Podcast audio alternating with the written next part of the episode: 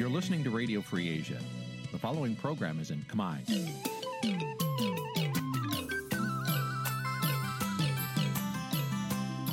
នេះជាកម្មវិធីផ្សាយ Vuthu Azizi Serai នេះជាកម្មវិធីផ្សាយរបស់ Vuthu Azizi Serai ជាភាសាខ្មែរ Vuthu Azizi Serai សូមស្វាគមន៍លោកអ្នកនាងទាំងអស់ពីរដ្ឋធានី Washington នៃសហរដ្ឋអាមេរិក បាទពីរដ្ឋធានី Washington ខ្ញុំសេកបណ្ឌិតសូមជម្រាបសួរអស់លោកអ្នកនាងកញ្ញាទាំងអស់ជាទីមេត្រី បាទយើងខ្ញុំសូមជូនកម្មវិធីផ្សាយសម្រាប់យប់ថ្ងៃសៅរ៍6កើតខែអាសត់ឆ្នាំខាលចត្វាស័កពុទ្ធសករាជ2566ត្រូវនៅថ្ងៃទី1ខែតុលាគ្រិស្តសករាជ2022បាទជាដំបូងនេះសូមអញ្ជើញអស់លោកអ្នកនាងស្ដាប់ព័ត៌មានប្រចាំថ្ងៃដែលមានមេតិការដូចតទៅ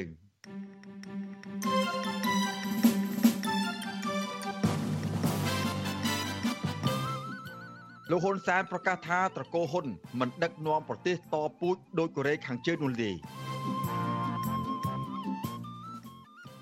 ក្រមប្រជាពលរដ្ឋសកម្មដាក់លិខិតទៅសាលាក្រុងភ្នំពេញស្នើសុំជួបសម្ដែងមតិរឿងជន់អន្តោប្រវេសន៍ខុសច្បាប់នៅកម្ពុជាពលកបោះបង់ការពលរដ្ឋបោះបង់របរនេសាទត្រី ហើយធ្វើចំណាកស្រុកដោយសារខ្សត់ត្រី ចៅអធិការវត្តនៅក្នុងបរិយាញូវយ៉កចូលរួមតស៊ូមតិដើម្បីយុត្តិធម៌សង្គមរួមនឹងព័ត៌មានសំខាន់សំខាន់មួយចំនួនទៀតបាទជាបន្តទៅទៀតនេះខ្ញុំបាទសេកបណ្ឌិតសូមជូនព័ត៌មានពិស្ដាបាទលោកនាងកញ្ញាជាទីមេត្រីលោកនាយករដ្ឋមន្ត្រីហ៊ុនសែនប្រតិកម្មខ្លាំងខ្លាំងចំពោះមតិរិះគន់ក្រមប្រសារបស់លោកតាក់ទងនឹងការស្នងតំណែងនាយករដ្ឋមន្ត្រីរបស់លោកហ៊ុនម៉ាណែត នឹងការនាំចៅស្រីទៅចូលរួមមហាសន្និបាតរបស់អង្គការសហប្រជាជាតិកាលពីពេលថ្មីថ្មីនេះបាទលោកអះអាងថារឿងទាំងនេះមិនបង្ហាញថាគ្រួសាររបស់លោកដឹកនាំប្រទេសផ្ដាច់ការតវងត្រកូលដោយប្រទេសកូរ៉េខាងជើងនោះទេក៏ប៉ុន្តែមន្ត្រីគណៈបកប្រឆាំងនិងអ្នកតាមដានសកម្មភាពនយោបាយមើលឃើញថាលោកហ៊ុនសែនកំពុងធ្វើឲ្យកម្ពុជាក្លាយទៅជាប្រទេសផ្ដាច់ការនិងជាកម្មសិទ្ធិផ្ដាច់មុខគ្រប់គ្រងដោយគ្រួសារត្រកូលហ៊ុន បាទលោករានីនៅបានស្ដាប់សេចក្តីរាយការណ៍ពិស្ដារអំពីរឿងនេះនាពេលបន្តិចទៀត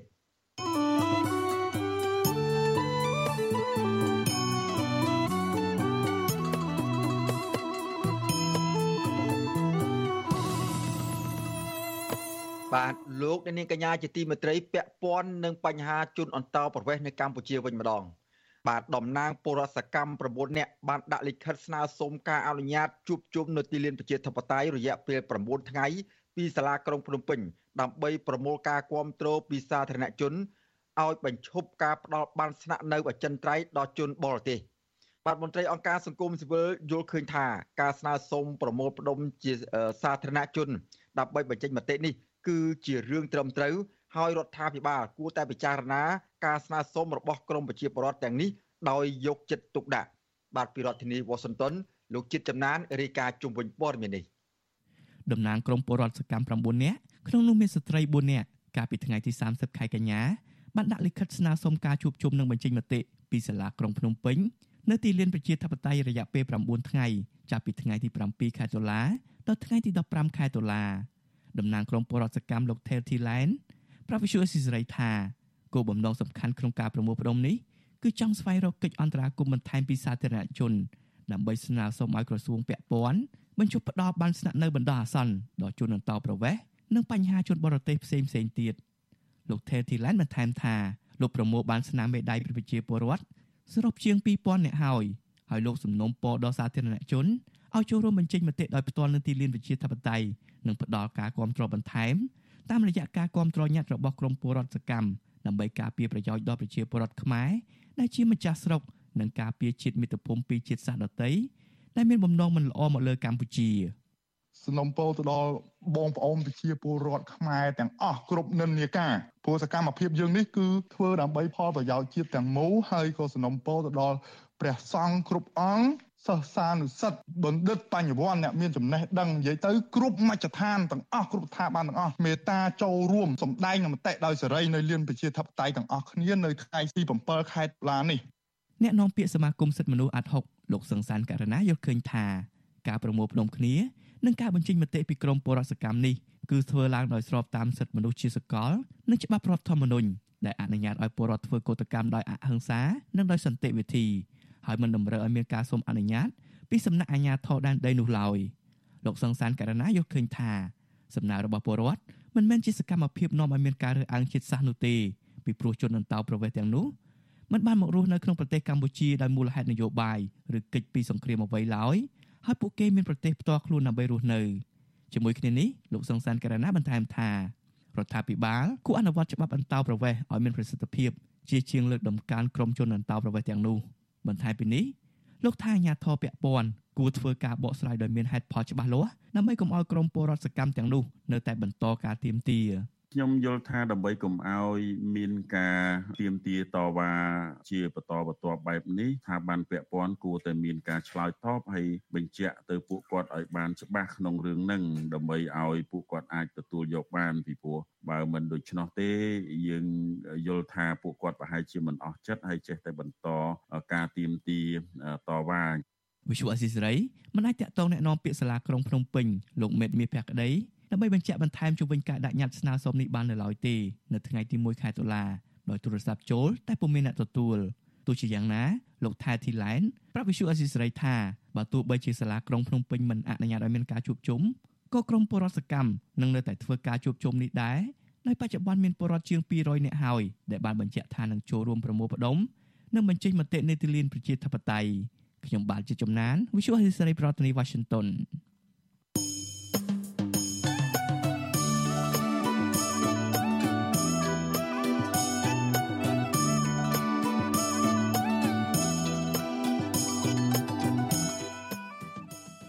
បាទលោកនាងកញ្ញាជាទីមេត្រីលោកនាងកំពុងតាមដានស្ដាប់ការផ្សាយរបស់វិទ្យុអស៊ីសេរីពីរដ្ឋធានី Washington សហរដ្ឋអាមេរិក បាទក្រៅពីលោកដានាងតាមដានស្ដាប់ការផ្សាយរបស់យើងតាមបណ្ដាញសង្គមមាន Facebook និង YouTube នោះលោកដានាងក៏អាចតាមដានស្ដាប់ការផ្សាយរបស់វិទ្យុអសីស្រីតាមរយៈវិទ្យុរលកធាតុអាកាសខ្លីឬ Shortwave បានដែរដោយពេលព្រឹកចាប់ពីម៉ោង5កន្លះដល់ម៉ោង6កន្លះតាមរយៈរលកធាតុអាកាសខ្លី12140 kHz ស្មើនឹងកម្ពស់ 25m និង13715 kHz ស្មើនឹងកម្ពស់ 22m បាទនៅពេលយប់ចាប់ពីម៉ោង7កន្លះដល់ម៉ោង8កន្លះ តាមរយៈរលកធាតុអាកាសខ្លី9960 kHz ស្មើនឹងកម្ពស់ 30m និង12140 kHz ស្មើនឹងកម្ពស់ 25m 11885 kHz ស្មើនឹងកម្ពស់ 25m បាទសូមអរគុណ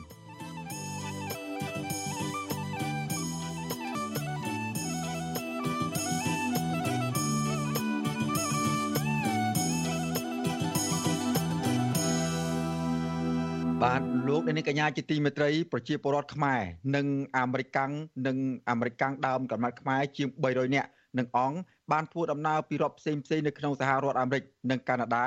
បានមកធ្វើបាតកម្មប្រឆាំងនឹងវត្តមានរបស់លោកនាយករដ្ឋមន្ត្រីហ៊ុនសែនកាលពីថ្ងៃទី23ខែកញ្ញាបាទជាមួយគ្នានោះដែរព្រះសង្ឃខ្មែរមួយអង្គបានចូលរួមយ៉ាងសកម្មទាំងការឧបត្ថម្ភកន្លែងស្នាក់នៅសម្រាប់ក្រុមអ្នកតវ៉ា និងការដឹកនាំទៅកាន់កន្លែងដែលបានណាត់ទុកគឺនៅមុខអង្គការសហប្រជាជាតិបាទតើអ្វីទៅ ដែលនៅពីក្រោយការចូលរួមរបស់ព្រះសង្ឃអង្គនេះ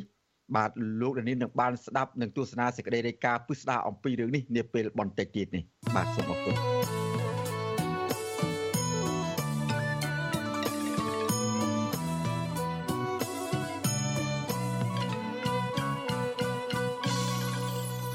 បាទលោកនាងកញ្ញាជាទីមេត្រីលោកនាយករដ្ឋមន្ត្រីហ៊ុនសែនប្រតិកម្មខ្លាំងខ្លាំងចំពោះមតិរិះគន់ក្រុមប្រឹក្សារបស់លោកតាក់ទងនឹងការស្នងតំណែងនាយករដ្ឋមន្ត្រីរបស់លោកហ៊ុនម៉ាណែតនិងការនាំចៅស្រីទៅចូលរួមមហាសន្និបាតរបស់អង្គការសហប្រជាជាតិកាលពីពេលថ្មីៗនេះ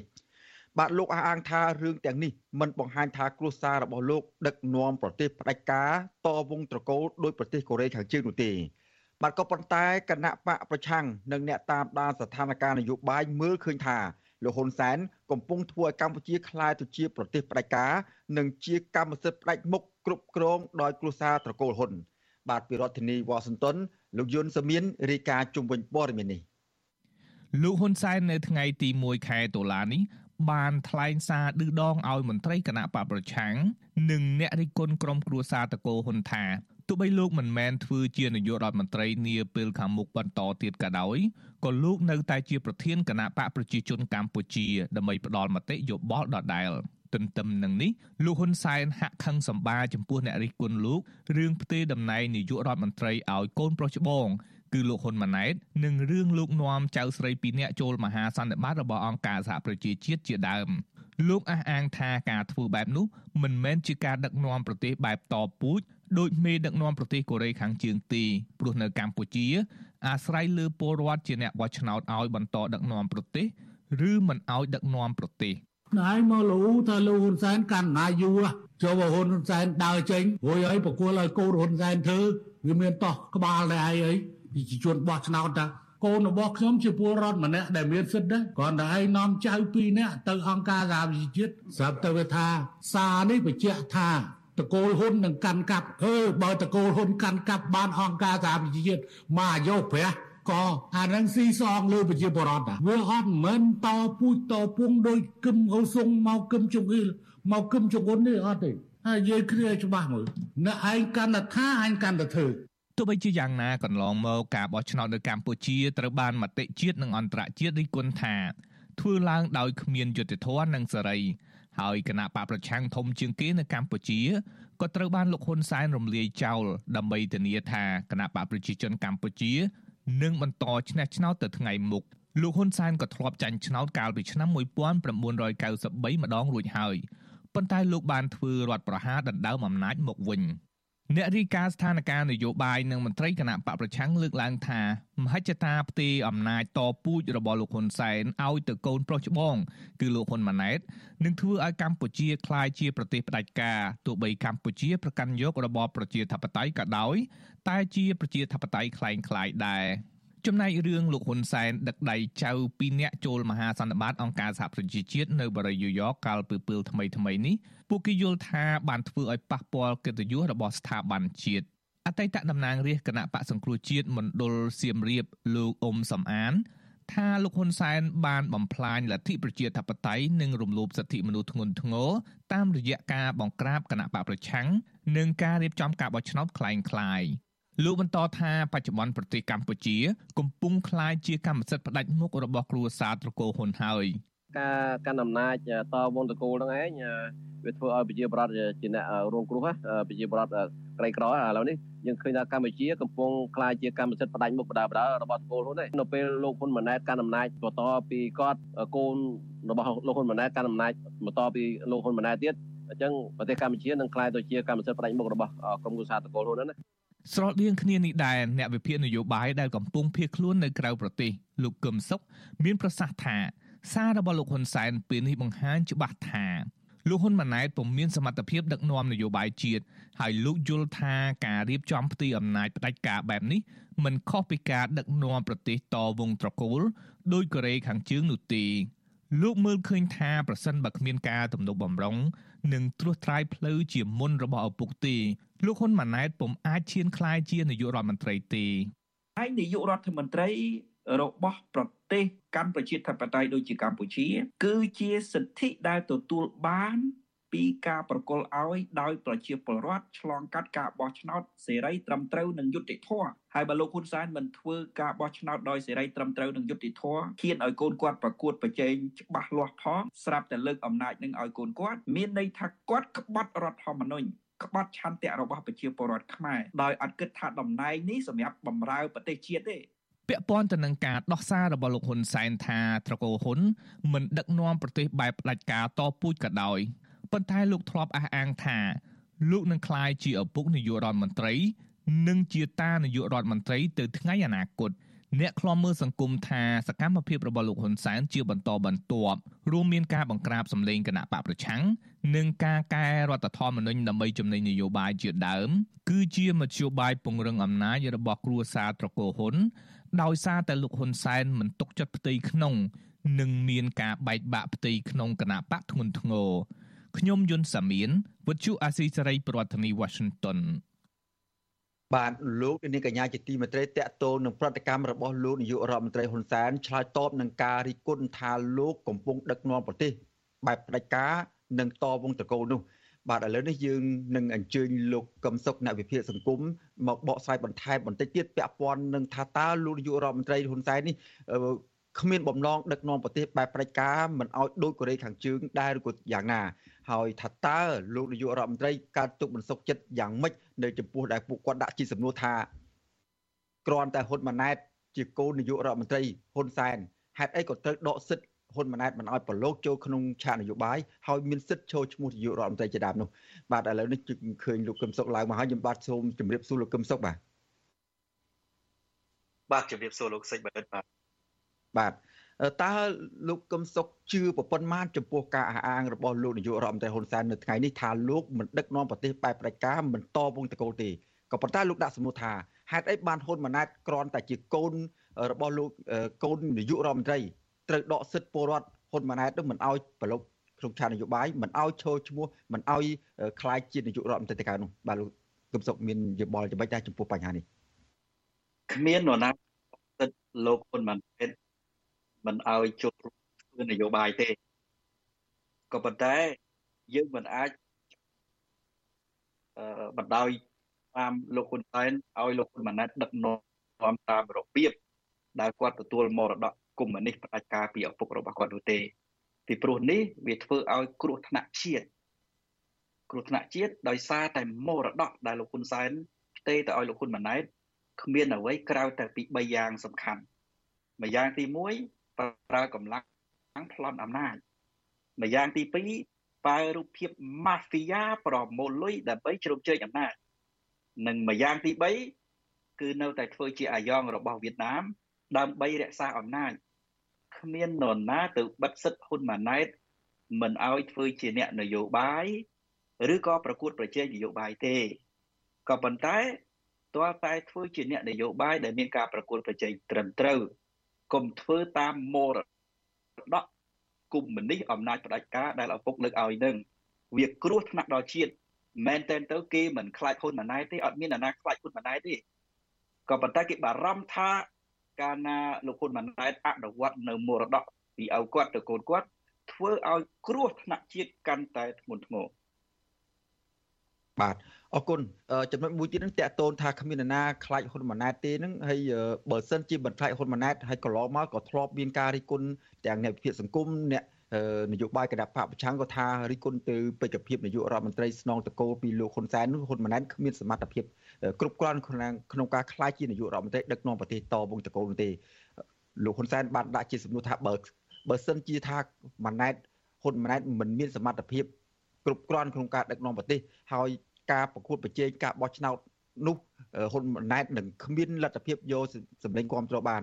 ចុះហេតុអីមិនអង្គុយមិននាំគ្នាអង្គុយអសបាយទៅនៅពេលដែលហ៊ុនម៉ាណែតគ្មានសមត្ថភាពប្រកួតប្រជែងជាមួយនឹងគណៈបកដទៃទៀត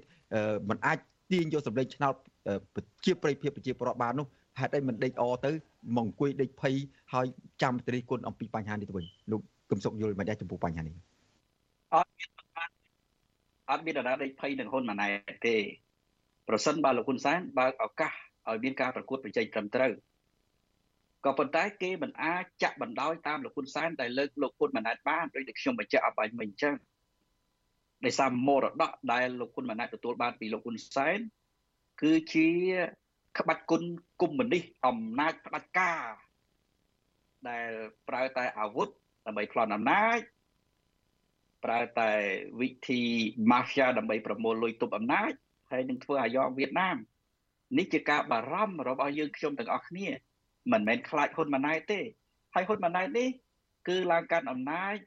ប្រសិនបើលទ្ធភាពនោះអាចទៅរួចហើយពិតជាមានភាគរយខ្ពស់ក្នុងការដែលឡើងកាន់អំណាចនោះមែនគឺដោយកូរ៉េខាងជើងសុតសាបលោកហ៊ុនសែនមិនចាំបាច់ប្រកែកទេទី1គឺដោយសារតែសូម្បីតែក្នុងផ្ទៃក្នុងបកអត់មានអ្នកប្រកួតប្រជែងទេបេក្ខជនតែម្នាក់ កុំនេះបេក្ខជនតែម្នាក់ទេហើយទី2ប្រើអំណាចនយោបាយរបស់ឪពុកដើម្បីសម្លុតផ្ទៃក្នុងតាមខែទេថ្ងៃទី2ខែធ្នូលោកហ៊ុនសែនប្រកាសថាអាណាហ៊ានមើលគាត់គ្រប់គ្រងកូនគាត់ដល់ថ្ងៃទី24ខែធ្នូឆ្នាំ2021ទើបមានការសម្រួលឲ្យលោកហ៊ុនម៉ាណែតធ្វើជាបេក្ខជននាយករដ្ឋមន្ត្រីរបស់គណៈបកប្រជាជនកម្ពុជាទៅថ្ងៃអនាគតហើយទី3ប្រើកម្លាំងកងទ័ពសង្កត់ ខ្ញុំចាំច្បាស់ណាស់ថ្ងៃទី29ខែធ្នូឆ្នាំ2021លោកហ៊ុនសែនថាអ្នកណាដែលមិនស្ដាប់បញ្ជារបស់គាត់ឬក៏ចង់ធ្វើជាកងទ័ពអព្យាក្រឹតគាត់ត្រូវតែគំតិចមានន័យថាប្រើអំណាចអាវុធកងទ័ពដើម្បីសម្លុតលើក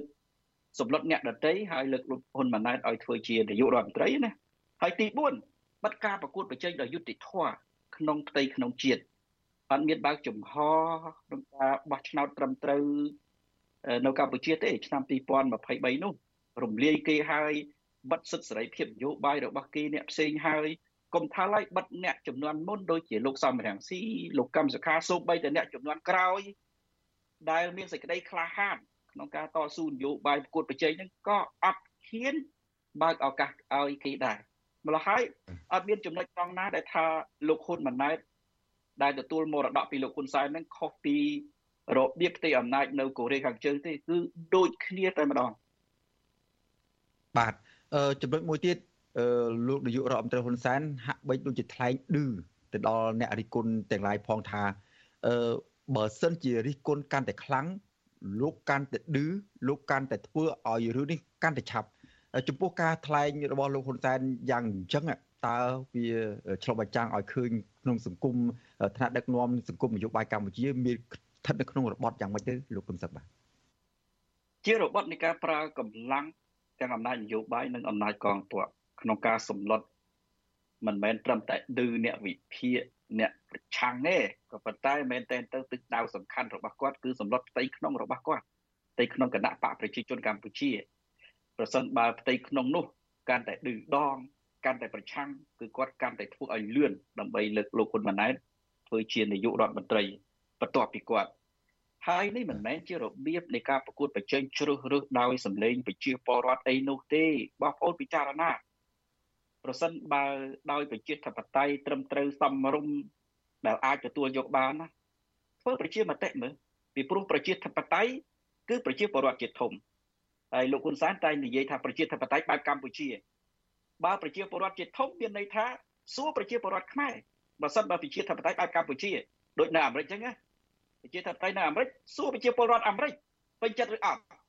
ប្រជាធិបតេយ្យនៅបារាំងសួរប្រជាពលរដ្ឋបារាំងពេញចិត្តឬអត់វាអត់មានទម្រង់ដូចគ្នាបេះបិទទេក៏ប៉ុន្តែពលរដ្ឋជាតិធំអញ្ចឹងប្រជាធិបតេយ្យកម្ពុជាសួរប្រជាពលរដ្ឋមើលតើប្រជាពលរដ្ឋខ្មែរប្រមាណភាគរយដែលពេញចិត្តនេះមួយទី2និយាយអំពីប្រជាធិបតេយ្យយ៉ាងម៉េចសូម្បីតែលោកហ៊ុនសែនបច្ចុប្បន្នហ្នឹងទៅណាមកណាធ្វើវេទិកាសាធារណៈអត់ទាំងមិន ឲ្យប្រជាពលរដ្ឋអង្គុយស្ដាប់បែកញើសក្តៅប៉ុន្តែអត់ហ៊ានធ្វើសមាជជាតិដើម្បីបើកឲ្យប្រជាពលរដ្ឋតវ៉ា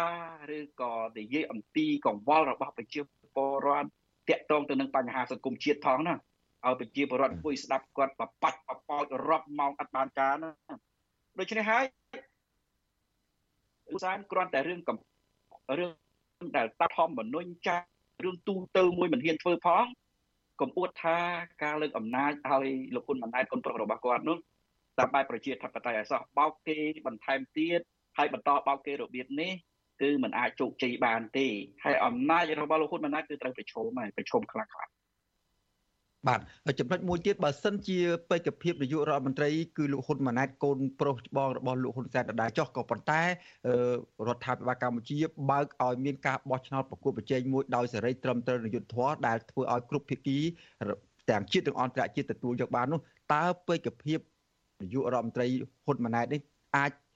ឲ្យសាធារណជនទទួលយកបានទេមើលទៅលោកកឹមសុខ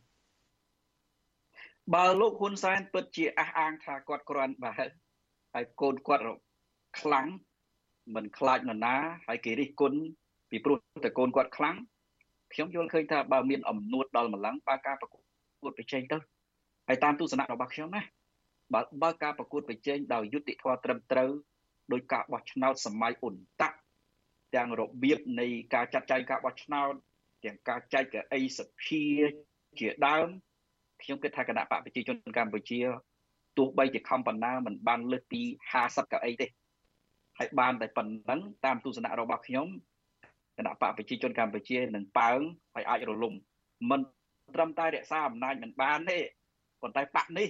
បើផ្ទេឲ្យហ៊ុនម៉ាណែតដោយហ៊ានប្រកួតប្រជែងត្រឹមត្រូវគឺច្បាស់ជារលំអញ្ចឹងហើយបានជាលោកហ៊ុនសែនគាត់បានបញ្ជាក់នៅក្នុងសន្ទរកថារបស់គាត់ជាច្រើនដងគាត់ថាលើកអំណាចឲ្យហ៊ុនម៉ាណែតហើយប្រកួតប្រជែងត្រឹមត្រូវរលំនឹងហើយ ទៅគាត់ឲ្យលោកហ៊ម៉ាណែតធ្វើជានាយករដ្ឋមន្ត្រីហើយគាត់នៅធ្វើជាប្រធានគណៈបកប្រជាជនកម្ពុជាជាតិណាគឺធ្វើដើម្បីគម្រាមកំហែងផ្ទៃក្នុងធ្វើដើម្បីកាងអំណាចពីក្រោយហើយមែនតែនទៅហ៊ុនម៉ាណែតគ្រាន់តែជានាយករដ្ឋមន្ត្រីទីម៉ោងទេឪពុករបស់គាត់ទៅជានាយករដ្ឋមន្ត្រីពិតប្រាកដដែលកាន់តួនាទីជាប្រធានបកនោះបើទោះបីជាគាត់ចោះចេញពីតំណែងនាយករដ្ឋមន្ត្រីក៏ដោយបាទ ចាំបានការយកឃើញពីលោកកឹមសុខមួយចំណុចទៀតនៅថ្ងៃនេះលោកនាយករដ្ឋមន្ត្រីហ៊ុនសែនក៏បានប្រឡយពាក្យក៏បានប្រកាសប្រាប់ដែរថាក្នុងគណៈបកប្រជាជនកម្ពុជាបើអត់លោកគឺហាក់បីដូចជាពិការដូចបាត់ជើងមកខាងអញ្ចឹងតើនៅក្នុងគណៈបកប្រជាជនកម្ពុជាអត់ពីលោកហ៊ុនសែនទៅពិតជាអញ្ចឹងមែនទេលោកកឹមសុខតាមការមើលឃើញគណៈបកប្រជាជនកម្ពុជាសប្តាហ៍ថ្ងៃនេះប្រសិនបើប្រកួតប្រជែងត្រឹមត្រូវនឹងយុត្តិធម៌ បើទោះបីជាមានលោកហ៊ុនសែនឬអត់លោកហ៊ុនសែនក៏មិនអាចឈ្នះដឹកនាំប្រទេសបានដែរទោះបីជាមានលោកហ៊ុនសែនក៏ដោយដូច្នេះប្រសិនបើអត់ពីលោកហ៊ុនសែនទៅទៀតវារឹតតែបែកកម្លាំងខ្លាំងឡើងនិងច្រើនឡើងម្ល៉េះហើយទៅគណៈបកប្រជាជនកម្ពុជានេះនាំគ្នាផ្សាយផ្សំគ្នាយកចិត្តគ្នាកុំឲ្យមានការបាច់បាក់ផ្ទៃក្នុងបើទោះបីជាចំនួនផ្ទៃក្នុង នៅពេលដែលលោកហ៊ុនសែនត្រៀម លើកអំណាចឲ្យលោកហ៊ុនម៉ាណែតនេះក៏ដោយក៏រក្សានៅស្ថានភាពខ្ជុំដាក់គ្នាហើយក៏ដោយតែមិនហ៊ានបែកគ្នាណាបាទទោះបីជាចំណុចដល់កម្រិតដែលគណៈបកប្រជាជនកម្ពុជាឥឡូវនេះណាលោកហ៊ុនសែនធ្វើរហូតទៅដល់ចែងនៅបទបញ្ជាផ្ទៃក្នុងជាសម្ងាត់មួយថាអ្នកណាដែលគណៈបក ដេញចេញបើទោះបីជានៅក្នុងក្របខ័ណ្ឌរដ្ឋឬក្របខ័ណ្ឌរដ្ឋាភិបាលសាធារណៈយ៉ាងណាក៏ដោយក៏ត្រូវតែអស់តំណែងនិងអស់អំណាចដែរដូច្នេះវាបង្កើតនៅការមិនពេញចិត្តយ៉ាងខ្លាំងនៅក្នុងផ្ទៃក្នុងនិងចំនួនដែលมันអាចថយក្រោយបានទេក៏ប៉ុន្តែគ្រាន់តែថាបកនេះដឹងថាកាលណាបែកបាក់គ្នាពួកគេនឹងចាញ់បែកបាក់គ្នាពួកគេនឹងខ្សោយកម្លាំងហើយអាចរលាយខ្លួនហើយបកប្រជាជនកម្ពុជាណា បើដល់កម្រិតរលាយអត់មានពេលស្ដារមកវិញបានទេអត់មានពេលស្ដារដោយគណៈបកផ្សេងផ្សេងទេរលាយគឺរលាយបាក់រូបតែម្ដងបាទអរគុណឥឡូវចំណុចមួយទៀតតកតងនឹងលោកនាយករដ្ឋមន្ត្រីហ៊ុនសែនបដូចការដឹកនាំរបស់លោកមិនដូចជានៅកូរ៉េខាងជើងអីជាដើមអញ្ចឹងអឺក៏ប៉ុន្តែនៅប្រទេសកូរ៉េខាងជើងមានបានន័យថាការស្នងតកូលរបស់ប្រទេសគេនោះមាន ហើយប្រទេសគេនោះមានទាំងប្រដាប់អាវុធហើយមិនសូវមានដូចអត់មានឃើញប្រទេសណាដែលអាចលូកដៃអន្តរជាតិណាលូកដៃនៅក្នុងកិច្ចការរបស់ដឹកនាំប្រទេសរបស់កូរ៉េខាងជើងនោះផងទេដល់ឡែកនៅកម្ពុជា កម្ពុជាគ្មានអាវុធគ្មានអីហើយកម្ពុជានេះក៏ស្ថិតការក្រោមការឃ្លាំមើលរបស់អន្តរជាតិរបស់អង្គការសហប្រជាជាតិអីនិងស្ថាប័នអង្គការសិទ្ធិមនុស្សជាតិអន្តរជាតិផងដែរតើនៅប្រទេសកម្ពុជាការដែល ដឹកនាំប្រទេសបែបតវងតកូលហើយដោយមានការក្របមើលពីអន្តរជាតិអញ្ចឹងតើអាចបន្តដំណើរតទៅមុខទៀតបានទេហើយកម្ពុជាអាចដឹកដឹកនាំដោយលោកអ៊ុនសែនលែងរហូតដល់លោកនឹងបាត់បង់ជីវិតអស់មួយជីវិតមកបានទេមើលទៅមេរៀនមួយដែលខ្ញុំចង់ផ្ដាំផ្ញើទៅលោកហ៊ុនម៉ាណែតគឺថាមិនគួរប្រើប្រាស់នៅ មរតកកុម្មុយនីសផ្ដាច់ការរបស់ឪពុកពេញដៃពេញជើងដោយវិធីសម្លុតគម្រាមកំហែងបន្តទៀតទេ ពីព្រោះស្ថានភាពដែលលោកហ៊ុនសែនទៅឲ្យលោកហ៊ុនម៉ាណែតបើទោះបីជាមានរបៀបនិងរបត់ដូចកូរ៉េខាងជើងក្តីប៉ុន្តែលោកហ៊ុនម៉ាណែតត្រូវយល់ថាកម្ពុជា មានរដ្ឋធម្មនុញ្ញប្រជាធិបតេយ្យហើយរដ្ឋធម្មនុញ្ញប្រជាធិបតេយ្យនេះ វាចងជាប់ដក់ជាប់នៅក្នុងបេះដូងរបស់ប្រជាពលរដ្ឋខ្មែររួចជាស្រេចទៅហើយប្រជាពលរដ្ឋខ្មែរទទួលចង់បានប្រជាធិបតេយ្យលោកហ៊ុនម៉ាណែតបាននៅតែក្រាញទទួលមរតកបែបផ្ដាច់ការនឹងតទៅទៀតអាក្បាច់គុណនយោបាយសម្លុតគម្រាមកំហែងនឹងតទៅទៀតប្រជាពលរដ្ឋខ្មែរទទួលយកមិនបានទេបើទោះបីជាឡើងធ្វើជានាយករដ្ឋមន្ត្រីក៏ដោយហើយបើទោះបីជាអាចសម្លុតប្រជាពលរដ្ឋឲ្យសំងំស្ងាត់មួយរយៈធំក៏ដោយ ក៏ប៉ុន្តែប្រជាពលរដ្ឋនៅតែទទួលយកមិនបានដដែល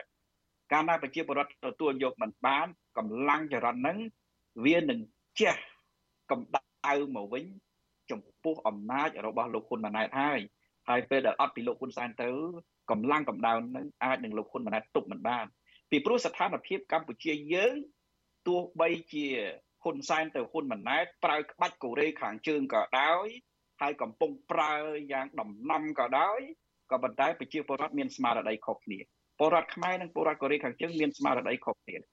ដ្ឋធម្មនុញ្ញដែលអនុញ្ញាតឲ្យពលរដ្ឋមានសេរីភាពនៅក្នុងប្រទេសកម្ពុជាបើទោះបីជាលោកហ៊ុនសែនសង្កត់ក៏ពលរដ្ឋបានដឹងរួចជាស្រេចទៅហើយហើយមួយវិញទៀតអំណាចនៃក្រមលោកហ៊ុនសែនមិនខ្លាំងក្លាដូចគីមជុងអ៊ុននៅកូរ៉េខាងជើងទេគីមជុងអ៊ុនបាត់ប្រទេសសម្លុតគ្មាននរណាអាចលូកលាន់បានក៏ប៉ុន្តែក្រមលោកហ៊ុនសែន បាត់ប្រទេសសម្លុតអត់បានទេពីព្រោះសូម្បីតែស្ថានភាពបច្ចុប្បន្នសេដ្ឋកិច្ចប្រដាប់ប្រដួសប៉ុណ្ណឹងនៅតែខ្វេះខ្វាចស្វះស្វែងរកជំនួយពីបរទេសដើម្បីចិញ្ចឹមរដ្ឋាភិបាលហើយហ្នឹងដូច្នេះអត់មានកម្លាំងអាវុធកម្លាំងសេដ្ឋកិច្ចអឺមានសក្តានុពលឯណាអាចទប់អំណាចបានទេលោកហ៊ុនម៉ាណែតគួរយល់អំពីមេរៀនទាំងអស់ហ្នឹងដែលគាត់ធ្លាប់សិក្សានៅសហរដ្ឋអាមេរិកមិនគួរណាអឺរៀនក្បាច់គុណពីអាមេរិកមក តែប្រតិបត្តិក្បាច់គុណផ្ដាច់ការមរតកសម្រាប់គម្រាមកំហែងរបស់ឪពុកខ្ញុំយល់ឃើញថាប្របាក់ជោគជ័យខ្លាំងណាស់បាទសូមអរគុណលោកកឹមសុខដែលបានចំណាយពេលវេលាផ្ដល់បទសម្ភាសដល់ការផ្សាយរបស់វិទ្យុអសីស្រីសម្រាប់ប្រទេសនេះបាទជំរាបលាតែប៉ុណ្្នឹងសិនបាទបាទជំរាបលាបាទ បាទលោកនាងកញ្ញាជាទីមេត្រីលោកនាងកំពុងតាមដានស្ដាប់ការផ្សាយរបស់វិទ្យុអស៊ីសេរីពីរដ្ឋធានីវ៉ាស៊ីនតោនសហរដ្ឋអាមេរិកបាទរយៈពេលប្រមាណឆ្នាំចុងក្រោយនេះរដ្ឋាភិបាលលោកហ៊ុនសែនហាក់លែងញញើតនៅក្នុងការប្រើប្រាស់ប្រព័ន្ធតុលាការដើម្បីបង្ក្រាបសម្លេងឯករាជ្យនិងសម្លេងប្រឆាំងជាមួយគ្នានេះស្របច្បាប់មួយចំនួនត្រូវបានបង្កើតឡើងឬក៏កែប្រែទៅតាមអំពើចិត្តរបស់មេដឹកនាំឯកបកបកកណ្ដាលអំណាចដើម្បីជាប្រយោជន៍ផ្ទាល់ខ្លួនជាជាងប្រយោជន៍ជាតិ បាទមនុស្សកលឹះដែលនៅពីក្រោយរឿងទាំងនេះគឺរដ្ឋមន្ត្រីក្រសួងយុទ្ធភ័ពលោកកើតរិទ្ធតើលោកកើតរិទ្ធមានប្រវត្តិយ៉ាងណា ហើយលោកមានធ្វើអ្វីបានធ្វើអ្វីខ្លះចំពោះប្រព័ន្ធច្បាប់និងលទ្ធិប្រជាធិបតេយ្យនៅកម្ពុជានោះបាទសូមលោកនាងរងចាំស្ដាប់សេចក្តីរាយការណ៍ពិស្ដារអំពីរឿងនេះនាពេលបន្តិចទៀតបាទលោកបាទលោកនាងកញ្ញាជាទីមេត្រីប្រជាពលរដ្ឋខ្មែរនិងអាមេរិកកាំងដើមកំណត់ខ្មែរជាង300នាក់ និងអង្គបានធ្វើដំណើរពីរដ្ឋផ្សេងផ្សេងនៅក្នុងសហរដ្ឋអាមេរិកនិងកាណាដាមកធ្វើបាតកម្មប្រឆាំងនឹងវត្តមានរបស់លោកហ៊ុនសែនកាលពីថ្ងៃទី23ខែកញ្ញាបាទជាមួយគ្នានោះព្រះសង្ឃខ្មែរមួយអង្គបានចូលរួមយ៉ាងសកម្មទាំងការឧបត្ថម្ភកន្លែងស្នាក់នៅសម្រាប់អ្នកតវ៉ានិងការដឹកនាំទៅកាន់កន្លែងដែលបានណាត់ទុកគឺនៅមុខអង្គការសហប្រជាជាតិនៅក្នុងបរិយាញូវយ៉ក បាទតើអ្វីទៅដែលនៅពីក្រោយខ្នងនៃការចូលរួមរបស់ព្រះសង្ឃអង្គនេះបាទសូមលោករនាង ទស្សនាសេចក្តីរាយការណ៍របស់លោកនៅវណ្ណរិន អំពីរឿងនេះដូចតទៅ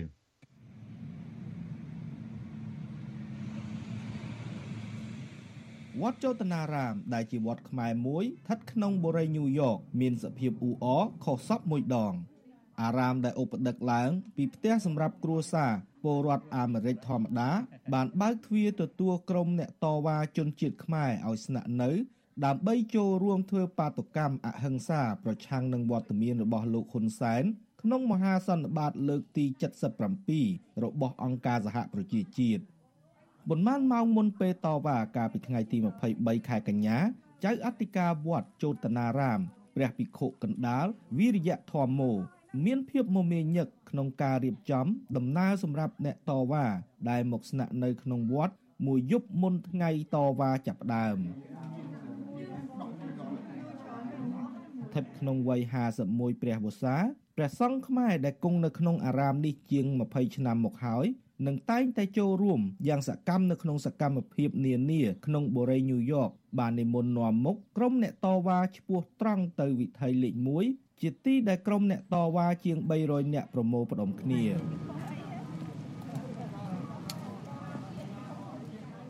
មួយជំហានម្ដងមួយជំហានម្ដងក្រុមអ្នកតវ៉ាប្រមាណ30រូបដឹកនាំមុខដោយភិក្ខុដែលមានមៀតតូចល្មមក្រងស្បង់ជីវរពណ៌លឿងទុំ បានឆ្លងកាត់វិថីនានា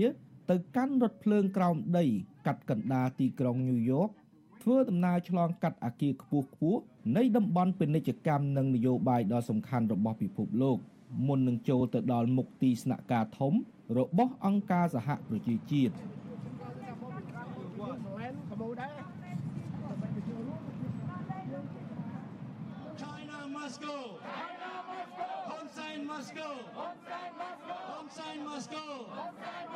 មីអូឡាងម៉ូស្គូមីអូឡាងម៉ូស្គូ ចៅអធិការវត្តជោតនារាមព្រះភិក្ខុកណ្ដាលវិរិយធម្មោបានប្រាប់អាស៊ីសេរីថាព្រះអង្គបានបើកទ្វារអារាមជាពិសេសសម្រាប់ពលរដ្ឋខ្មែរដែលជាអ្នកតវ៉ាមុខទីស្នាក់ការអង្គការសហប្រជាជាតិឲ្យបានស្នាក់នៅស្ទើរតែរាល់លើកក្នុងរយៈពេល5ឆ្នាំចុងក្រោយនេះដោយសារតែភាពអយុត្តិធម៌ក្នុងប្រទេសកម្ពុជា ការរំលោភសិទ្ធិមនុស្សសិទ្ធិបញ្ចេញមតិ និងនយោបាយកើតមានកាន់តែច្រើនឡើងច្រើនឡើង។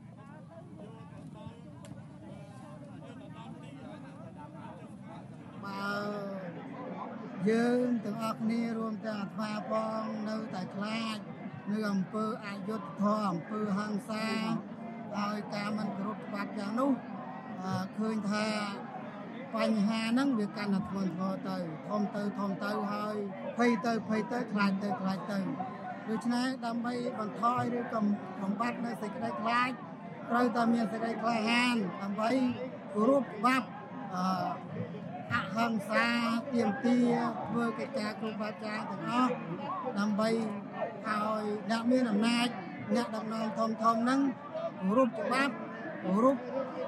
នៅសិទ្ធិពលរដ្ឋហើយធ្វើការឲ្យមានការទទួលខុសត្រូវដើម្បីផលប្រយោជន៍ប្រជាជាតិនិងពលរដ្ឋទាំងមូល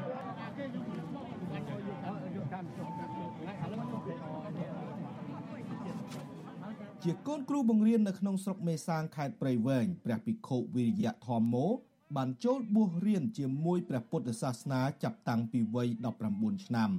ព្រះអង្គត្រូវបានញាតិញោមចំណុះជើងវត្តនិមន្តមកគង់នៅក្នុងវត្តជោតនារាម ក្នុងក្រុងញូវយ៉កចាប់តាំងពីឆ្នាំ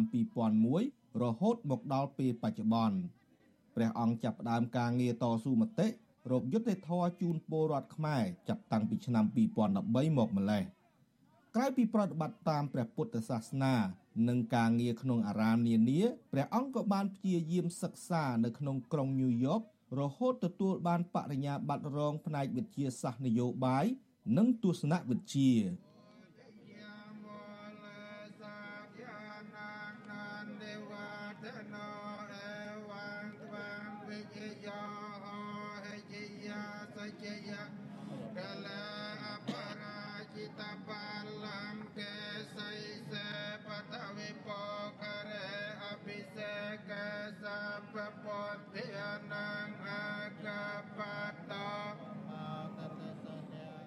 ព្រះសង្ឃដដែលក៏បានអះអាងថាការបើកឲ្យជនជាតិខ្មែរស្នាក់នៅក្នុងអំឡុងពេលតវ៉ានិងការចូលរួមរបស់ព្រះសង្ឃនៅក្នុងការតវ៉ាសិទ្ធិសេរីភាពសម្រាប់ពលរដ្ឋខ្មែរក្នុងប្រទេសកម្ពុជាមិនបានខុសទៅនឹងពុទ្ធបញ្ញត្តិអ្វីនោះទេ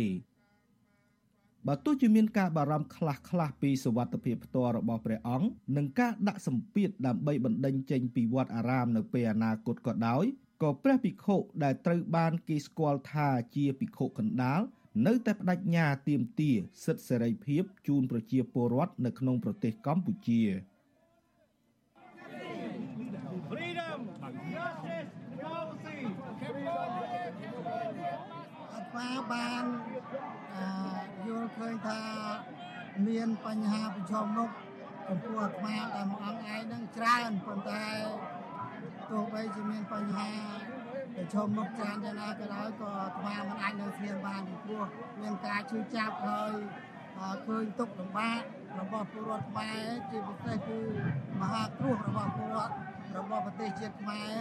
អឺដល់ធំធេងដែលអាត្មាឃើញថាទាំងអាត្មាក្តីទាំងពលរដ្ឋក្តីហាក់ដូចជាអស់សង្ឃឹមប៉ុន្តែនៅតែមានសង្ឃឹមដោយសារតែយើងខំតស៊ូមិនលះបង់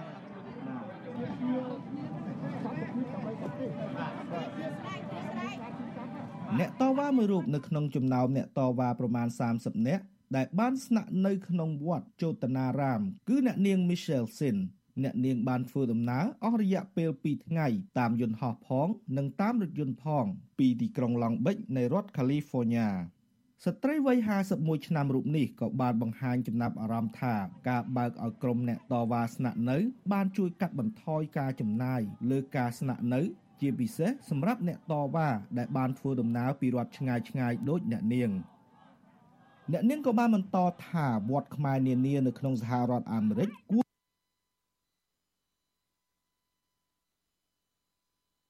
គំរូតាមវត្តជោតនារាម និងជួយសម្រប ព្រួលដល់ការទៀមទារោគសិទ្ធិសេរីភាពពេញលេញជូនពលក្នុងប្រទេសកម្ពុជាយើងធម្មតាយើងមកនេះមិនមានអ្នកណាជួយចេញសាលុយពីកប៉ៅខ្លួនតែអញ្ចឹងវត្តហ្នឹងហើយជាស្នាក់អាស្រ័យរបស់តែទាំងអស់មិនដែលខ្មែរណាទេចាអញ្ចឹងវាក៏ទូសហួយមកកតាយើងទុកលុយចាក់សាំងអញ្ចឹងណាពួកពួកយើងធ្វើដំណើរម្នាក់ម្នាក់មិនអត់លុយតិចទេចាអញ្ចឹងយើងអរ គុណលោកអរគុណកន្លែងលោកដែលប្រកបហើយយើងស្នាក់ឲ្យស្នាក់អាស្រ័យហ្នឹងចាហ្នឹងហើយត្រឹមអរគុណលោកច្រើនហើយការធ្វើដំណើរក៏អត់លុយច្រើនដែរបាន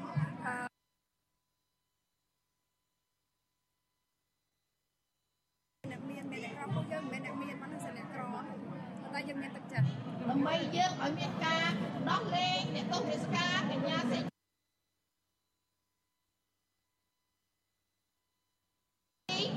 ជាចនាអ្នកទំនាការទាំងអស់ជាពិសេសឲ្យមាន ការបោះឆ្នោតត្រឹមត្រូវយុត្តិធម៌ក៏ដូចជាឲ្យមានការតវ៉ាប្រឆាំងនឹង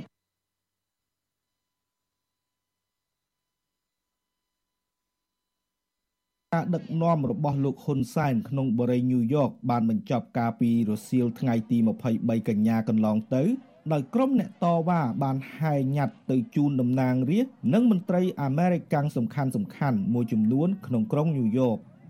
អ្នកចូលរួមបានធ្វើដំណើរវិលត្រឡប់ទៅតំបន់ដែលខ្លួនស្នាក់នៅរៀងរៀងខ្លួនក៏ប៉ុន្តែចៅអធិការវត្តជោតនា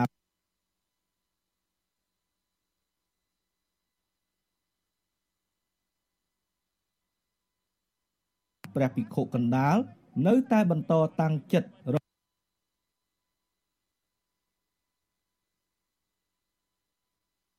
សេរីភាពផ្នែកបញ្ចេញមតិនិងនយោបាយជូនពលរដ្ឋខ្មែរក្នុងប្រទេសកម្ពុជាហើយព្រះអង្គក៏បានអំពាវនាវដល់លោកហ៊ុនសែននិងរដ្ឋាភិបាលឲ្យដោះលែងអ្នកទោសនយោបាយបញ្ឈប់ការគៀបសង្កត់ពលរដ្ឋក្នុងប្រទេសកម្ពុជា និងឈប់យកខ្មែរជាសត្រូវខ្ញុំបាទនៅវណ្ណរិន with Chu Azizi Saray រាយការណ៍ពីបូរីញូវយ៉ក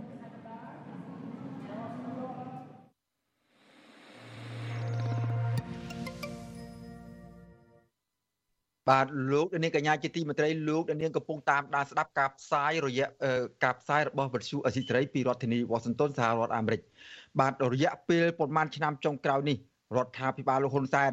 ហាក់លែងញញើតនៅក្នុងការប្រើប្រាស់ប្រព័ន្ធតុលាការដើម្បីបង្ក្រាបសម្លេងឯករាជ្យនិងសម្លេងប្រឆាំងបាទជាមួយគ្នានេះច្បាប់មួយចំនួនត្រូវបានបង្កើតឡើងឬកែប្រែទៅតាមអំពើចិត្តរបស់មេដឹកនាំគណៈបកកណ្ដាលអំណាច ដើម្បីផលប្រយោជន៍ផ្ទាល់ខ្លួនជាជាងផលប្រយោជន៍ជាតិបាទមនុស្សកលឹះដែលនៅពីក្រោយរឿងទាំងនេះគឺរដ្ឋមន្ត្រីក្រសួងយុទ្ធភ័ពលោកកើតរិទ្ធបាទតើលោកកើតរិទ្ធមានប្រវត្តិយ៉ាងណាហើយលោកបានធ្វើអ្វីខ្លះចំពោះប្រព័ន្ធច្បាប់និងលទ្ធិប្រជាធិបតេយ្យនៅកម្ពុជានោះបាទលោកយ៉ងច័ន្ទរារីកាពុស្ដាអំពីរឿងនេះ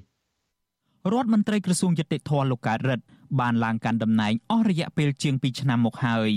នៅពេលចូលកាន់តំណែងដំបូងលោកបានសន្យាជាអោឡារិទ្ធថាលោកនឹងប្រឹងប្រែងលើកកម្ពស់គុណភាពយុត្តិធម៌នៅកម្ពុជា និងស្មោះត្រង់ចំពោះជាតិខ្ញុំសូមធ្វើការបដិញ្ញាចិត្តពង្រឹងប្រព័ន្ធអភិបាលកិច្ចល្អដើម្បីធ្វើជាស្នូលក្នុងការដឹកនាំវិស័យយុតិធធក៏ដូចជាធានាសាមគ្គីភាពផ្ទៃក្នុងក្នុងជួរថ្នាក់ដឹកនាំនៃវិស័យនេះដើម្បីឲ្យមានការចូលរួមអនុវត្តប្រកបដោយការទទួលខុសត្រូវខ្ពស់ក្នុងបុព្វហេតុនៃការងារកំណែតម្រង់ពង្រឹងសុចរិតភាពនិងភាពត្រឹមត្រូវនៃការអនុវត្តការងាររបស់មន្ត្រីតុលាការ តាមរយៈការពង្រឹងវិន័យនិងសិលធម៌វិជ្ជាជីវៈក្នុងវិស័យនេះសម្ដៅលើកកម្ពស់កិត្តិយសនិងសេចក្តីថ្លៃថ្នូរនៃអង្គតុលាការបន្ថែមទៀតមជ្ឈដ្ឋានមួយចំនួនរំពឹងទុកថារដ្ឋមន្ត្រីថ្មីរូបនេះអាចនឹងជួយស្រោចស្រង់ប្រព័ន្ធយុតិធធដែលកំពុងតែចុះទុនខ្សោយនោះឲ្យមករឹងមាំវិញតាមរយៈការរៀនសូត្រផ្នែកច្បាប់បានជ្រៅជ្រះរបស់លោកក៏ប៉ុន្តែលទ្ធផលហាក់ផ្ទុយពីនេះ លោកកើតរិទ្ធបានប្រែក្លាយប្រព័ន្ធយុតិធធឲ្យទៅជាអាវុធដ៏មុតស្រួចសម្រាប់លោកនាយរដ្ឋមន្ត្រីហ៊ុនសែនដើម្បីកម្ចាត់សម្លេងប្រឆាំងនិងសម្លេងឯករាជ្យទៅវិញក្រោមអាណត្តិគ្រប់គ្រងរបស់លោកកើតរិទ្ធប្រព័ន្ធយុតិធធកម្ពុជា នៅតែរងការរិះគន់ថាគ្មានភាពឯករាជ្យនិងស្ថិតក្រោមការបង្គាប់បញ្ជារបស់គណៈបកកណ្ដាលអំណាច តុលាការបានដំណើរការរឿងក្តីជាច្រើន ដែលមានចរិតនយោបាយប្រឆាំងនឹងសកម្មជននយោបាយសមាជិកសង្គមស៊ីវិលយុវជន និងអ្នកបញ្ចេញមតិរិះគន់រដ្ឋាភិបាលករណីខ្លះគេមិនដែលធ្លាប់ឃើញមានទេនៅក្នុងប្រវត្តិនៃប្រព័ន្ធយុតិធធកម្ពុជា គឺតុលាការបានបើកសវនាការទ្រង់ទ្រាយធំ ដែលមានជនជាប់ចោតរាប់សិបនាក់រហូតដល់រាប់រយនាក់សវនាការទាំងនោះទោះជាគ្មានភ័ស្តុតាងដាក់បន្ទុកគ្រប់គ្រាន់ក៏ដោយ ក៏អាចឲ្យតុលាការផ្ដន់ទោសកម្មជននយោបាយសមាជិកសង្គមស៊ីវិលនិងអ្នករិះគន់រដ្ឋាភិបាលជាបន្តបន្ទាប់ពីបទរួមគំនិតក្បត់ និងបទញុះញង់ជាការពិតថាលោកកើតរិទ្ធមិនមែនជាចៅក្រមកាត់សេចក្តីរឿងទាំងនេះទេក៏ប៉ុន្តែនៅក្នុងទួនាទីជារដ្ឋមន្ត្រីក្រសួងយុតិធធលោកមានសិទ្ធិបញ្ជាព្រះរាជអាជ្ញានៅទូទាំងប្រទេស គឺព្រះរាជអាជ្ញាឬតំណាងអัยការនេះហើយដែលជាអ្នកចោទប្រកាន់និងបញ្ជាឲ្យចាប់ខ្លួនសកម្មជននយោបាយសមាជិកសង្គមស៊ីវិលនិងអ្នករិះគន់រដ្ឋាភិបាលយកទៅដាក់ពន្ធនាគារម្យ៉ាងវិញទៀតនៅក្នុងសំណុំរឿងដែលមានចរិតនយោបាយបែបនេះបើព្រះរាជអាជ្ញាចោតប្រកាន់បែបណាហើយនោះចៅក្រមច្រើនតែសម្រេចសេចក្តីទៅតាមបទចោតប្រកាន់នោះនាយករងទទួលបន្ទុកកិច្ចការតំបន់អាស៊ីនៃអង្គការឃ្លាំមើលសិទ្ធិមនុស្សអន្តរជាតិ Human Rights Watch លោក Phil Robertson មានប្រសាសន៍ថាប្រព័ន្ធយុតិធធននៅកម្ពុជាមិនមានអ្វីប្រសើរឡើងនោះទេ នៅក្នុងអាណត្តិរបស់លោកកើតរិទ្ធពីព្រោះតុលាការស្ថិតនៅក្រោមការបង្គាប់បញ្ជាផ្នែកនយោបាយរបស់គណៈបកប្រជាជនកម្ពុជារួចទៅហើយ any idea that somehow there's going to be reform មតិដែលថាមានកំណែតម្រង់ប្រព័ន្ធយុទ្ធធននៅកម្ពុជានេះគឺគ្រាន់តែជាការស្រមោលស្រមៃខុសពីការពិត ការអះអាងទាំងឡាយអំពីកំណែតម្រង់ប្រព័ន្ធយុទ្ធធរប្រៀបបានទៅនឹងផ្សែងដែលរសាត់តាមខ្យល់រដ្ឋាភិបាលកម្ពុជានិយាយបែបនេះគឺដើម្បីព្យាយាមធ្វើយ៉ាងណាឲ្យសហគមន៍នៅតែរាប់រកឬក៏ដើម្បីឲ្យម្ចាស់ជំនួយបន្តផ្ដល់លុយកាក់ឲ្យពួកគេប៉ុន្តែធៀបពិតនោះគឺពួកគេគ្មានចេតនាពិតប្រាកដក្នុងការលើកស្ទួយប្រព័ន្ធយុទ្ធធម៌ឡើយរដ្ឋាភិបាលកម្ពុជា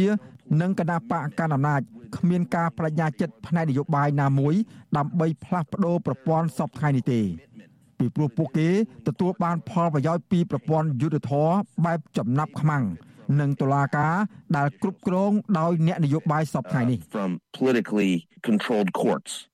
លោកកើតរិទ្ធគឺជាមន្ត្រីជាន់ខ្ពស់ទាំងនៅក្នុងជួររដ្ឋាភិបាល និងនៅក្នុងជួរបក លោកគឺជាសមាជិកគណៈកម្មាធិការកណ្ដាលគណៈបកប្រជាជនកម្ពុជា និងជាអនុប្រធានទី1ក្រុមការងារគណៈបកចោះជួយស្រុកមងរុស័យខេត្តបាត់ដំបងលោកគឺជាមនុស្សម្នាក់ដែលចេញមុខគាំទ្រយ៉ាងពេញទំហឹងចំពោះការជ្រើសរើសលោកហ៊ុនម៉ាណែត ជាបេក្ខជននាយករដ្ឋមន្ត្រី បន្តវេនពីលោកហ៊ុនសែនអ្នកនាំពាក្យគណៈបកកណ្ដាលអំណាចលោកសុកអេសានឲ្យដឹងថាលោកកើតរិទ្ធមានចំណេះដឹងខ្ពស់ផ្នែកច្បាប់និងទទួលបានទំនុកចិត្តពីថ្នាក់ដឹកនាំគណៈបកលោកបញ្ជាក់ថា រដ្ឋមន្ត្រីក្រសួងយុតិធធរូបនេះក៏ជាអ្នកបន្តវេនមួយរូបរបស់គណៈបកប្រជាជនកម្ពុជាផងដែរ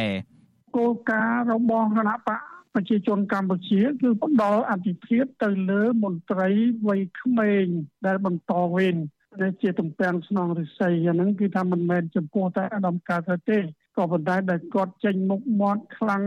នោះគឺថាដោយសារវាពាក់ព័ន្ធនឹងវិស័យច្បាប់ដែលពាក់ព័ន្ធនឹងជំនាញរបស់អាដាមកើតរិទ្ធបាទ លោកកើតរិទ្ធមានអាយុ43ឆ្នាំលោកកើតនៅឆ្នាំ1979នៅក្នុងស្រុកព្រៃឈរខេត្តកំពង់ចាមលោកបានបញ្ចប់ការសិក្សាថ្នាក់បរិញ្ញាបត្រផ្នែកច្បាប់ពីសាកលវិទ្យាល័យភូមិន្ទនីតិសាស្ត្រនិងវិទ្យាសាស្ត្រសេដ្ឋកិច្ចឬដែលគេនិយមហៅថាសាលារូលនៅក្នុងឆ្នាំ1999 លោកទទួលបានអាហារូបករណ៍ទៅសិក្សាបន្តនៅសាកលវិទ្យាល័យលីយ៉ុងប្រទេសបារាំងដែលនៅទីនោះលោកទទួលបានសញ្ញាបត្រថ្នាក់បរិញ្ញាបត្រនីតិឯកជនព្រមទាំងបរិញ្ញាបត្រជាន់ខ្ពស់ផ្នែកច្បាប់ព្រហ្មទណ្ឌនិងវិទ្យាសាស្ត្រនៃបទឧក្រិដ្ឋលោកកើតរិទ្ធបានវិលត្រឡប់មកប្រទេសកម្ពុជាវិញនៅអំឡុងឆ្នាំ2002និងបានចាប់ផ្ដើមអាជីពជាសាស្ត្រាចារ្យនៅសាលារូលរហូតដល់ឆ្នាំ2016 លោកធ្លាប់បានបម្រើការនៅក្រសួងចំនួន3រួមមានក្រសួងអប់រំនៅចន្លោះពីឆ្នាំ2003ដល់ឆ្នាំ2005មន្ត្រីក្រសួងសេដ្ឋកិច្ចចន្លោះពីឆ្នាំ2005ដល់ឆ្នាំ2012និងលេចមុខជាមន្ត្រីជាន់ខ្ពស់ក្រសួងយុតិធធចាប់ពីឆ្នាំ2007រហូតដល់ក្លាយជារដ្ឋមន្ត្រីក្រសួងយុតិធធនៅចុងខែមីនាឆ្នាំ2020អ្នកវិភាគនយោបាយចាស់វសានិងជាអ្នកជំនាញផ្នែកច្បាប់បណ្ឌិតឡៅម៉ុងហៃក៏សម្គាល់ថា បបញ្ញវន្តខ្មែរដែលមកពីស្រុកបារាំងច្រើនតែស្រឡាញ់អំណាចនិងធ្វើអ្វីគ្រប់បែបយ៉ាង ដើម្បីតែអំណាចរបស់ខ្លួនគឺយើងនឹងច្រើនតែទៅយកអ្វីដែលអាក្រក់ពីដែលដើម្បីអីដើម្បីអំណាចបាទរបស់ខ្លួនហ្នឹងបាទហើយអ្នកទៅរៀនសុខបារាំងនេះគឺចូលចិត្តណារឿងអំណាចហ្នឹងបាទមិនសូវចូលចិត្តធ្វើការនៅក្នុងផ្នែកសង្គមស៊ីវិលទេចាំមើលទៅគេច្រើនចូលចិត្តរឿងអំណាចហ្នឹងដូច្នេះអ្វីដែលអាចជួយឲ្យគេមានអំណាច និងទ្រទ្រង់អំណាចបង្កើនអំណាចមកគេនេះគេអនុវត្តទៅការលើកឡើងរបស់បណ្ឌិតឡាវម៉ុងហៃនេះហាក់ឆ្លុះបញ្ចាំងការពិតចំពោះករណីលោកកើតរិទ្ធលោកកើតរិទ្ធបានក្លាយជារដ្ឋមន្ត្រីយុតិធធនៅពាក់កណ្ដាលអាណត្តិដ៏គួរឲ្យភ្ញាក់ផ្អើលនៅក្នុងឆ្នាំ2020ក្រោយពេលលោកហ៊ុនសែនបានក្រសោបយកអំណាចរដ្ឋទាំងអស់មកក្តោបក្តាប់តែម្នាក់ឯងជោគជ័យរបស់លោកហ៊ុនសែននេះមួយចំណែកធំគឺជាស្នាដៃរបស់លោកកើតរិទ្ធនេះឯងលោកកើតរិទ្ធ គឺជាមនុស្សគន្លឹះនៅក្នុងការរៀបចំ និងកែប្រែច្បាប់ជាច្រើន ដែលមានចរិតគៀបសង្កត់សិទ្ធិសេរីភាព និងប្រឆាចរដ្ឋធម្មនុញ្ញច្បាប់សំខាន់សំខាន់ដែលលោកកើតរិទ្ធបានចូលរួមតាក់តែងនិងកែប្រែនោះរួមមាន ក្រមព្រហ្មទណ្ឌក្រមនីតិវិធីព្រហ្មទណ្ឌច្បាប់3តាក់ទងទៅនឹងការគ្រប់គ្រងតុលាការ ច្បាប់បោះឆ្នោត ច្បាប់អង្គការសមាគមច្បាប់សហជីពច្បាប់គ្រប់គ្រងប្រទេសនៅក្នុងភាពអាសន្ននិងវិសោធនកម្មច្បាប់គណៈបកនយោបាយជាដើម ច្បាប់ស្តីពីវិសោធនកម្មច្បាប់គណៈបកនយោបាយនេះត្រូវបានក្រុមអ្នកច្បាប់វាយតម្លៃថា គឺជាច្បាប់ដ៏អាក្រក់ដែលបំពានរដ្ឋធម្មនុញ្ញនិងផ្ទុយពីច្បាប់សិទ្ធិមនុស្សអន្តរជាតិពីព្រោះច្បាប់នេះធ្វើឡើងតម្រូវតាមចិត្តមេបកកណ្ដាលអំណាចលោកហ៊ុនសែនដើម្បីរំលាយគណៈបកសង្គ្រោះជាតិនិងបំបិទសិទ្ធិនយោបាយរបស់ក្រុមមេដឹកនាំបកប្រឆាំងមានរឿងមួយដែលប្រហែលជាគ្មានអ្នកច្បាប់ណាម្នាក់ហ៊ានធ្វើដោយលោកកើតរិទ្ធនោះទេ នោះគឺជាការរៀបចំកែប្រែរដ្ឋធម្មនុញ្ញជាច្រើនលើកច្រើនសារឲ្យលោកហ៊ុនសែនដែលជាការធ្វើឲ្យច្បាប់កម្ពុជាមួយនេះបាត់បង់អនុភាពរបស់ខ្លួន ជាពិសេសវិសោធនកម្មលើកទី10ដែលលោកកើតរិទ្ធបានធ្វើជាកាដូឲ្យលោកហ៊ុនសែននៅមុនការបោះឆ្នោតតំណាងរាស្ត្រនៅឆ្នាំក្រោយនេះអ្នកច្បាប់បានពន្យល់ថាវិសោធនកម្មរដ្ឋធម្មនុញ្ញលើកទី10នេះគឺជាការច្បាមយកអំណាចពីរដ្ឋសភាដោយស្រស់ស្រស់ ពីព្រោះគណៈបកឈ្នះឆ្នោតអាចបញ្ជូនឈ្មោះបេក្ខជននាយករដ្ឋមន្ត្រីទៅព្រះមហាក្សត្រដោយផ្ទាល់ដោយមិនចាំបាច់ឆ្លងរដ្ឋសភានោះឡើយការកែរដ្ឋធម្មនុញ្ញលើកទី10នេះគឺជាការធ្វើតម្រូវចិត្តលោកហ៊ុនសែនដែលកំពុងតែត្រួសត្រាយផ្លូវឲ្យកូនប្រុសច្បងរបស់លោកគឺលោកហ៊ុនម៉ាណែតអាចក្លាយជានាយករដ្ឋមន្ត្រីបន្តត្រកូលពីលោកដោយមិនចាំបាច់ការផ្ដាល់ទំនុកចិត្តពីតំណាងរាស្ត្រវិទ្យុអាស៊ីសេរីបានព្យាយាមតាក់ទងលោកកើតរិទ្ធជាច្រើនដងដើម្បីឆ្លើយតបទៅនឹងរឿងនេះ ក៏ប៉ុន្តែទូរស័ព្ទចូលពុំមានអ្នកទទួលខណៈអ្នកនាំពាក្យក្រសួងយុតិធធលោកចិនម៉ាលីនបានបដិសេធមិនផ្ដល់បទសម្ភាសរឿងនេះទេទោះជាយ៉ាងណាលោកកើតរិទ្ធបានថ្លែងនៅក្នុងសន្និសីទសារព័ត៌មានតាក់ទងទៅនឹងការកែរដ្ឋធម្មនុញ្ញលើកទី10កាលពីខែកក្កដាថាលោកមានមោទនភាពដែលបានចូលរួមចំណែកកែប្រែច្បាប់កម្ពុជាមួយនេះសូម្បីតែអ្នកចូលរួមក្នុងការកែអញ្ចឹងវាក៏ជាផ្នែកមួយនៃពាក្យដែលថាឧត្តមកតិជាតិ ធ្វើឲ្យខ្មែរយើងមោទនភាពមានអីខុសជាតិខ្មែរយើងឥឡូវយើងទាំងអស់គ្នាគ្រប់គ្រងជាតិខ្មែរយើងមានមោទនភាពអត់ក្រៅពីការកែប្រែនិងបង្កើតច្បាប់បម្រើប្រយោជន៍នយោបាយឲ្យលោកហ៊ុនសែននោះគេនៅមិនទាន់ឃើញលោកកើតរិទ្ធសាងស្នាដៃអ្វីជាដុំកំភួននៅឡើយទេតាក់ទងទៅនឹងការពង្រឹងប្រព័ន្ធយុតិធធម៌របស់ជាតិ លោកធ្លាប់បានប្រកាសបង្កើតយុទ្ធនាការដោះស្រាយការកកស្ទះសំណុំរឿងនៅតាមតុលាការខេត្តក្រុងដើម្បីឈានទៅបន្ធូរបន្ថយភាពចង្អៀតណែននៃអ្នកជាប់ឃុំដែរក៏ប៉ុន្តែយុទ្ធនាការនេះនៅតែមិនអាចដោះស្រាយបញ្ហាចង្អៀតណែននៅក្នុងពន្ធនាគារបាននៅឡើយទេអតីតតំណាងរាជគណៈបកសង្គ្រោះជាតិលោកអេងឆៃអៀងមានប្រសាសន៍ថាលោកការ៉ិតមិនមែនជាអ្នកកែតម្រង់នោះទេផ្ទុយទៅវិញរដ្ឋមន្ត្រីក្រសួងយុតិធធរូបនេះគឺគ្រាន់តែជាបុគ្គលម្នាក់ ដែលលោកហ៊ុនសែនយកមកប្រើ ដើម្បីឲ្យកែប្រែឬក៏បង្កើតច្បាប់ណា ដើម្បីបម្រើផលប្រយោជន៍នយោបាយឲ្យលោកតែប៉ុណ្ណោះលោកហ៊ុនសែនគាត់ត្រូវជ្រើសរើសសេនាធិការរបស់គាត់ដែលជាអ្នកវិឆ្លាតហើយសុចិត្តធ្វើអីតាមបង្គាប់បញ្ជារបស់គាត់ទោះបីខុសក៏ដោយដែលយើងឃើញច្បាប់ទាំងអស់ច្បាប់ចុងក្រោយនេះទាំងអស់នេះណាគឺបំរើឲ្យប្រយោជន៍ហ៊ុនសែនក្រុមប្រឹក្សាហ៊ុនសែនឬបពុហ៊ុនសែនប៉ុណ្ណឹងទេមិនមែនសម្រាប់ប្រយោជន៍សាធារណៈប្រយោជន៍សង្គមទេហើយចំពោះលោកកែដិត ពីឆ្នាំក្រុមនេះគឺគាត់ជាឧបករណ៍ដ៏ល្អដ៏មុតស្រួចសម្រាប់ការពារតកូលហ៊ុនលោកកើតរិទ្ធមានឈ្មោះនៅក្នុងបញ្ជី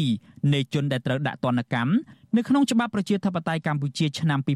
2018ដែលសហភាពអាមេរិកបានអនុម័តកាលពីខែកក្កដាឆ្នាំ2018ថ្មីត្បិតតែច្បាប់នេះមិនបានចូលជាធរមានក៏ដោយក៏លោកកើតរិទ្ធ បានជាប់ឈ្មោះថាជាអ្នកចូលរួមបំផ្លាញប្រជាធិបតេយ្យនិងរំលោភសិទ្ធិមនុស្សធ្ងន់ធ្ងររួចទៅហើយ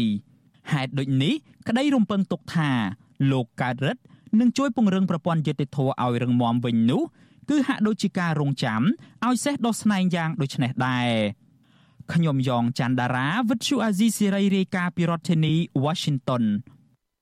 បាទលោកនាងកញ្ញាជាទីមេត្រីលោកនាងកំពុងតាមដានស្ដាប់ការផ្សាយរបស់វិទ្យុអស៊ីសេរីពីរដ្ឋធានីវ៉ាស៊ីនតោនសហរដ្ឋអាមេរិក